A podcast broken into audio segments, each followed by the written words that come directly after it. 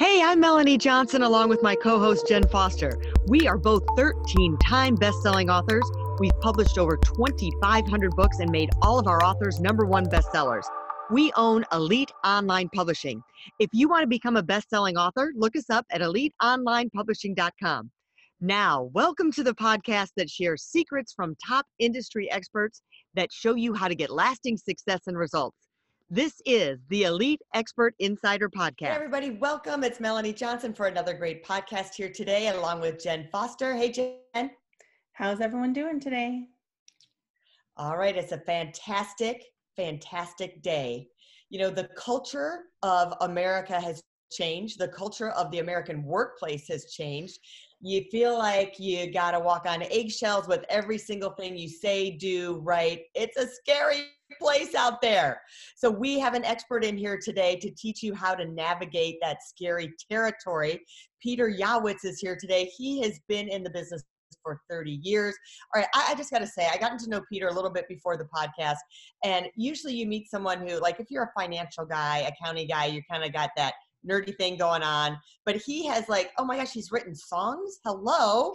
So he's like this artistic guy, nerdy guy cultural guy. He is so multifaceted. He fascinates me. I know we're going to learn a lot today. He is the author of Flip Flops and Microwave Fish, um, navigating the culture in today's workplace.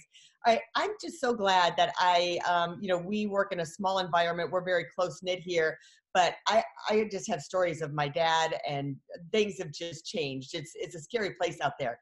Peter, welcome and thanks for coming to help us navigate through this scary cultural uh, company world out there now today.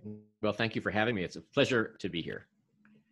Great. Well, Peter, tell us a little bit about yourself and how you got into this. And you've been doing it for 30 years. That's awesome. Well, 30 years, yeah. I, there are many chapters to my life. As as Melanie said, I uh, I, I don't never look at any my career as just going like this. It's gone like, like this and this and this, and I don't mean like big troughs, but really changes. I've I've moved along and adapted. Maybe I don't know whether it's because I got bored or because things happened to me, and I've always managed to enjoy what I do. And but for 30 years, the past 30 years, I have worked for corporations as a management communication consultant, help helping individuals and groups communicate more effectively to their different constituencies. So when I'm brought into a company, it's usually to help them figure out what their messages are help them tell stories more effectively that would resonate with whatever audiences need to hear from them. So it could be a pitch, it could be just an informational bit of information. But what I find my value is when I work with them is to take it away from the obvious. I don't want it, we all have listened to boring speeches in our lives. How can we really tap into what an audience is looking for? And how can you make put something together or create messages that the audience will say, oh, I remember these people, not because they were my two o'clock appointment, but because there's something about what they said or how they operate that make me feel, boy, I really trust them and I there's something that's tapped into me somehow. So that's what I've done for many years, and, and I, have enjoyed every minute of it, uh, working with people and traveling around the world and helping people solve those problems. So, you know, storytelling is so big, especially in our business where book publishers and being authentic and telling your story and telling it the right way is so important. Mm-hmm. How do you get to um, that point of walking someone through a company of finding that authentic story and being careful not to offend anybody in the meantime? Well, sure. Let, let, me take that offending people out of, of the way because I think certainly senior people are, are aware that they don't want to offend people. But what I try to get people to do is I love the word that you said, being authentic. I, I, said, I really want to get to know you. So if you're speaking too much corporate speak and you're re- almost like reading off a teleprompter, I'm not really going to know you or, or, know what motivates you. And I can give an example of a CEO that I work with pretty much every year on his annual speech to employees. And every year he says, Peter, here's my draft. And I just say, well, that sounds like the same draft you had last year, which was we have a great company, we have the best, I'm so excited. Look around, what a great bunch of people we are. And people will smile and do that. And then 10 minutes later, they might have forgotten exactly what he said because there was nothing specific about it.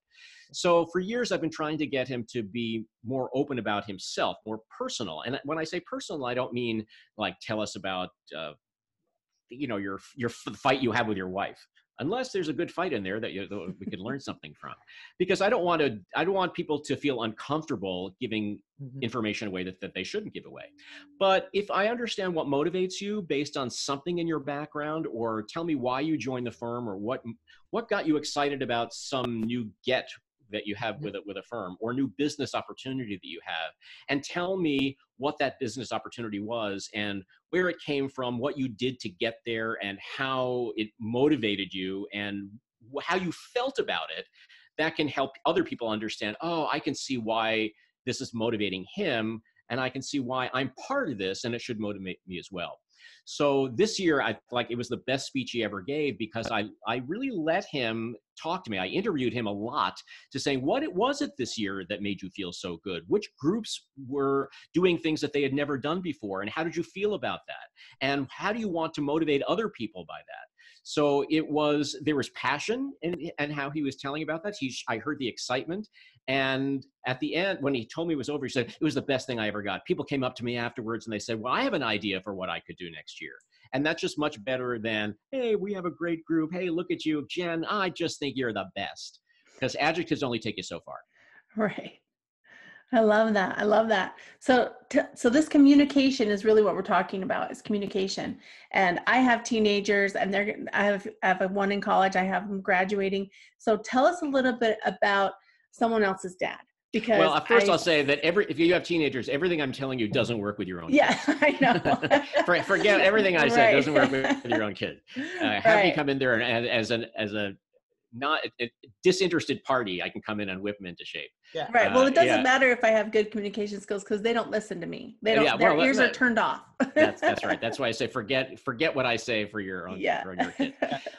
a couple of things you know it's interesting because you know my kids are older but my son uh, said to me a couple of years ago you know dad one piece of advice you gave me that i still i still listen i still hear you saying and i nearly fell on the floor. It's like what?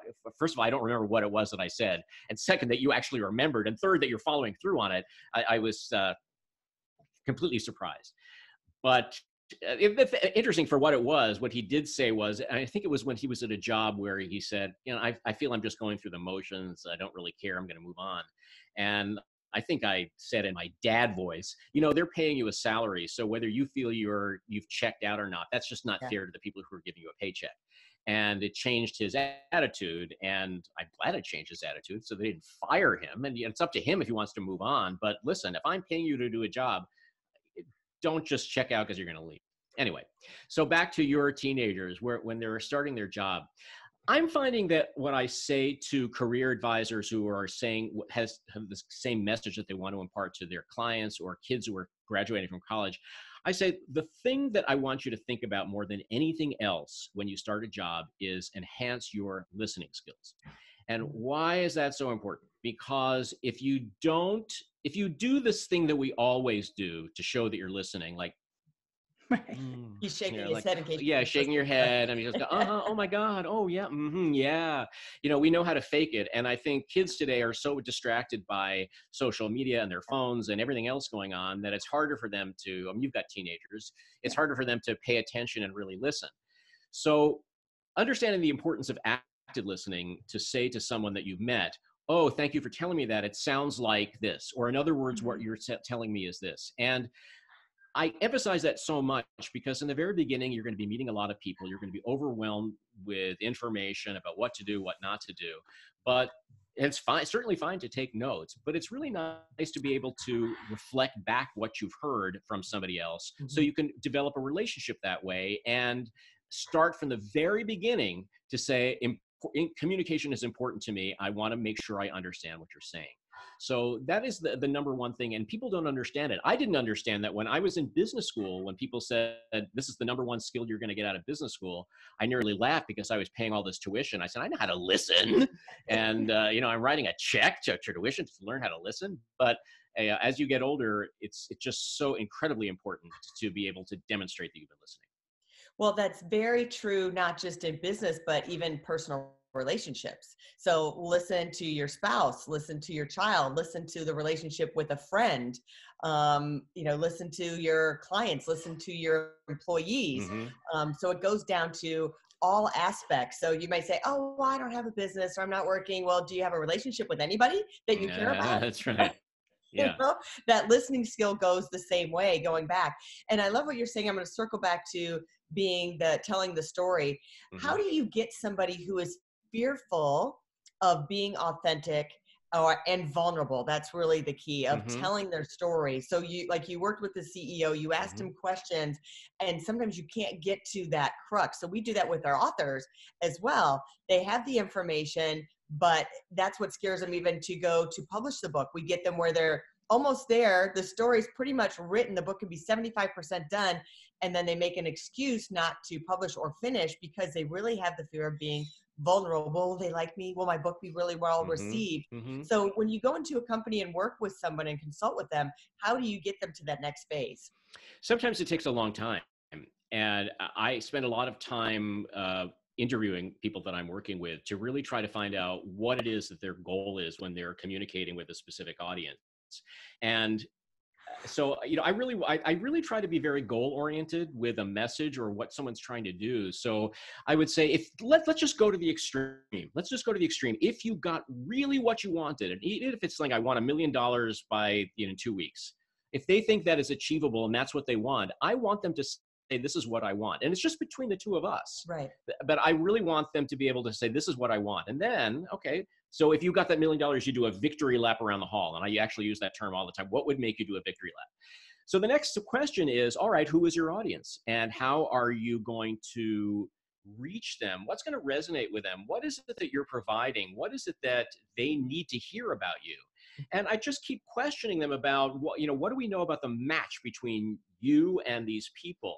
And sometimes when i hear it when i hear when they get a little bit vulnerable or when i hear when there is an example of why what they're providing is so important i will stop and i say that's it. That's it. What you said there resonates more with me than anything else you said because it is authentic and it lets me understand you a little bit better and it understands truly how you can help me the audience with whatever issues that I'm dealing with. And so a lot of it just takes time to get to that place. And my style is, you know, when someone hires me, I will initially book a long session because I want that person to trust me. And, and the first hour could be just tell me about your life. I'm not, I just want to know about you. What motivates you? Who are you? What, uh, where did you to go to school? What are your hobbies? What motivates you? And, and you can see as people become more comfortable, their body language changes, the way they talk about things. You'll see the smile and the passion on their face. And I'll say, that passion that you're showing me now has to show up in however you present to somebody, because then I, am much more engaged in what you're going to say or what you're going to sell me. And I put that in quotes uh, for me to want to pay attention. Right. Do you ever sing when you're doing those consultations? no. oh, well, uh, it depends. I know I should say I haven't, but but for a fee, I'll be happy to go. Sing. There you go. That's good.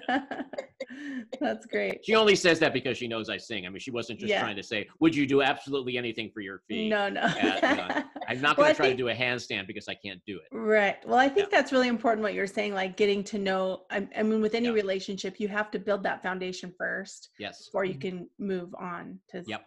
to training or listening or anything like that. absolutely. So, yeah. Yeah. Yeah. And actually, I'll say when I when I one of my favorite types of seminars is do a storytelling seminar, and it's great when I ask people to come prepared in advance to uh, prepare a pitch, like a business pitch that can help your organization. And I only want two minutes, just two minutes, and I'll go around the table and everybody will talk about something. And then then purposefully i'll take a break and i'll either give them a break or i will uh, talk about something. And then i'll go back and i'll say let's go around the table. And what was it that jen wanted to do? And people kind of look you know they avert eye contact because they've forgotten and they don't want to show that they weren't paying attention. But a lot of it has to do with the fact that maybe they weren't they weren't focusing on a number. They weren't fo- Yeah. focusing on a problem that people had that that that person was going to resolve and why you were the right person to do it and what the implications would be.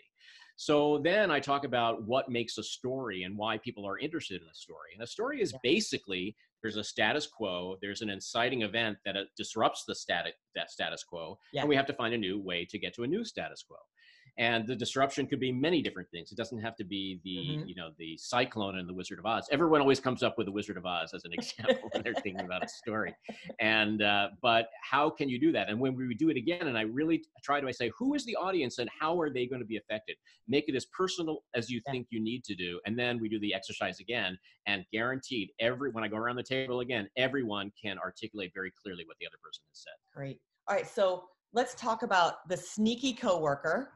Oh yeah employee and how to get a raise. So all of us, eh, no matter how smooth your business goes, it may be a client, it may be someone's client who has someone that you have to deal with, maybe someone in house that they're have that, you know, that jab, kind of that you feel like you're being stabbed in the back every time you're talking to them. that's how do right you deal with that? Uh, well, first thing I have to say about uh, any kind of difficult person is that remember you can never change somebody's behavior. You can really only change your response to that behavior. So that sneaky coworker, you're not going to give him a magic pill and he's all of a sudden not going to be sneaky anymore. The issue is how you're going to handle that sneaky coworker. Do you say something? Do you you don't want to? And then again, if your personality is not someone who feels I'm going to play sneaky right back, which I don't recommend. Uh, you're in a position where, all right, this person is sneaky. I have to watch what I do. So there are a couple of things. First is that if you know this person is going to be sneaky about things, you can CYA, cover yourself anytime you're including this person in an email, and maybe you want to include your managers in a in a in some in a email chain so you know what you are doing and maybe you emphasize i spoke with the client today and the client told me da da da da da and cc the appropriate people so the the other person is not going to say well that was my idea because it was Right. clear i here were the facts here are the facts that that show that i was the one who Yeah. had this idea and the other thing is uh, if if you feel comfortable doing it and you realize that this is something that is interfering with your ability to work effectively i would call the person out but but use facts don't use don't say things like you're a sneaky coworker and i hate you or stop being so sneaky uh, you're really annoying uh, because if someone says that you're really annoying melanie you're going to say no i'm not or like what are you talking about And right it puts you on the fence. puts you off. It puts you on the defense, and then you're just like, "Yes, you are. No, I'm not." And then we're back in second grade, and who wants to go Yeah. back there? So, but if you have a, a file of actual facts of, of situations, stories, perhaps where Mhm. Mr. Sneaky or Ms. Sneaky did something for you, you can say, "The I want to talk to you a second. The other day, when you came by and you took credit for the work that I had done in front of our manager, I felt hurt." Okay, so you're doing two things. One, you're identifying a very specific event that person cannot deny happened, and the second, you're saying how you felt, and no one can deny how you felt. You can't say you did not feel hurt. Yes, I did. You know, I was very hurt because I felt that you were taking credit for something that I did, and I would hope that you would not do that again because that affects my credibility as well as yours. Yeah. So have a have a th- in the future. I would prefer you're not doing that, or please don't make up facts uh, when they're Mhm. just not going to help either one of us. So it's almost like a three part message. The first thing is talk about what it is that the person has done Mhm. and be very specific. Second is talk about your feelings, and the third is let's let's talk about a resolution because this is not Yeah. acceptable. That I makes Now- love it. There's Yeah. so much great information. We could just keep talking and talking. I think we're out of time though. So oh um, no! let, why I'm don't you enjoying it too much. I know it's so much fun. Um, Melanie was going to ask one other question, which I don't know if you want to answer really quick. What was about the getting a raise? Yeah, so how to get a raise. Yeah, this question comes up a lot. Uh, pretty much in every speaking engagement that I have, someone ask about getting a raise, especially if their boss is not there. That that will come up. Uh, and and actually, I had a conversation with someone the other day who said, and I, and I think this is a good way of approaching it. Someone did ask for a raise, and I felt, well, this person doesn't. She doesn't. There's a woman talking about another woman. This woman doesn't deserve a raise. I just gave her a raise six months ago. And my advice was, and this is something that I would make everyone think about beforehand is I said to this woman, if she asks you for a raise, just say, okay, I hear you, but why do you deserve a raise now? I want you to go back and I want you to come up with some, stories and examples of what you have done over the past six months since your last raise, whenever that was, to say how you enhance the value of our team or our company or our workflow, whatever it is, to really try to quantify in whatever way you can why you feel you deserve it. And as part of that, too, think about if I did give you a raise, what are you going to do for the next pay period for the until you get the next raise? So if it's based on facts and based on stories, maybe that I don't even know. I don't know that you talked to Estelle the other day and you were able to put a, plan in place to help us. Okay, that's very helpful to me to know that you des- you might deserve something if that really added to our bottom line or added to our efficiency. So again, if you were asking for a raise, you should co- go with your ammunition about why, rather than just I feel I deserve a raise because I've been working here a long time. That's something you know. Also, if you have been working here for a long time and haven't gotten a raise, I think you should speak up. The last thing I want to say about about all this is that what I encourage people to do is always to be assertive about what they want. Always be assertive. Think about what it is that you want and be relatively direct about it. Don't beat around the bush, but to so you don't worry that you're being aggressive, which is a word I hate. Be polite about what you're doing. So be assertive and be polite. That's great. Well, where can people go to find more information about you, your website, or where they can go to get the book? Well, thank you very much for asking. Uh, if you go to peteryawitz.com, uh, you will find everything. It's like a clearinghouse for everything except my baby pictures are there, I, I think, unless someone has access to it. You can find my uh, the, the website, my consulting website, Clear Communication. You can find my advice from someone else's dad, which is at someoneelsedad.com. You can find how to contact me. And also, if you're interested in my book, you can find it through there, or you can go right to Amazon and look for flip flops and microwave fish, or certainly just search for me on Amazon. Or Barnes and Noble. I know that every Barnes and Noble has one, or I'm hoping your independent bookstore will too. Once I get around there. That's great. Oh, we can't hear Melanie. I don't know why. Thanks so much, oh, Peter, for being on. That's awesome. We got a lot of great content today. I was taking notes as we were doing it. So, everyone, make sure you subscribe to our podcast because we always have fantastic guests on. Um, they give you terrific information that make your life better, make your world better, your family's world better, and your business better. So, we'll see you next time. Again, subscribe, leave us a note. We'd love to hear from you. And uh, if you have someone that you'd like to be on our show, give us a suggestion. We always like to hear from you. Talk to you soon. Bye.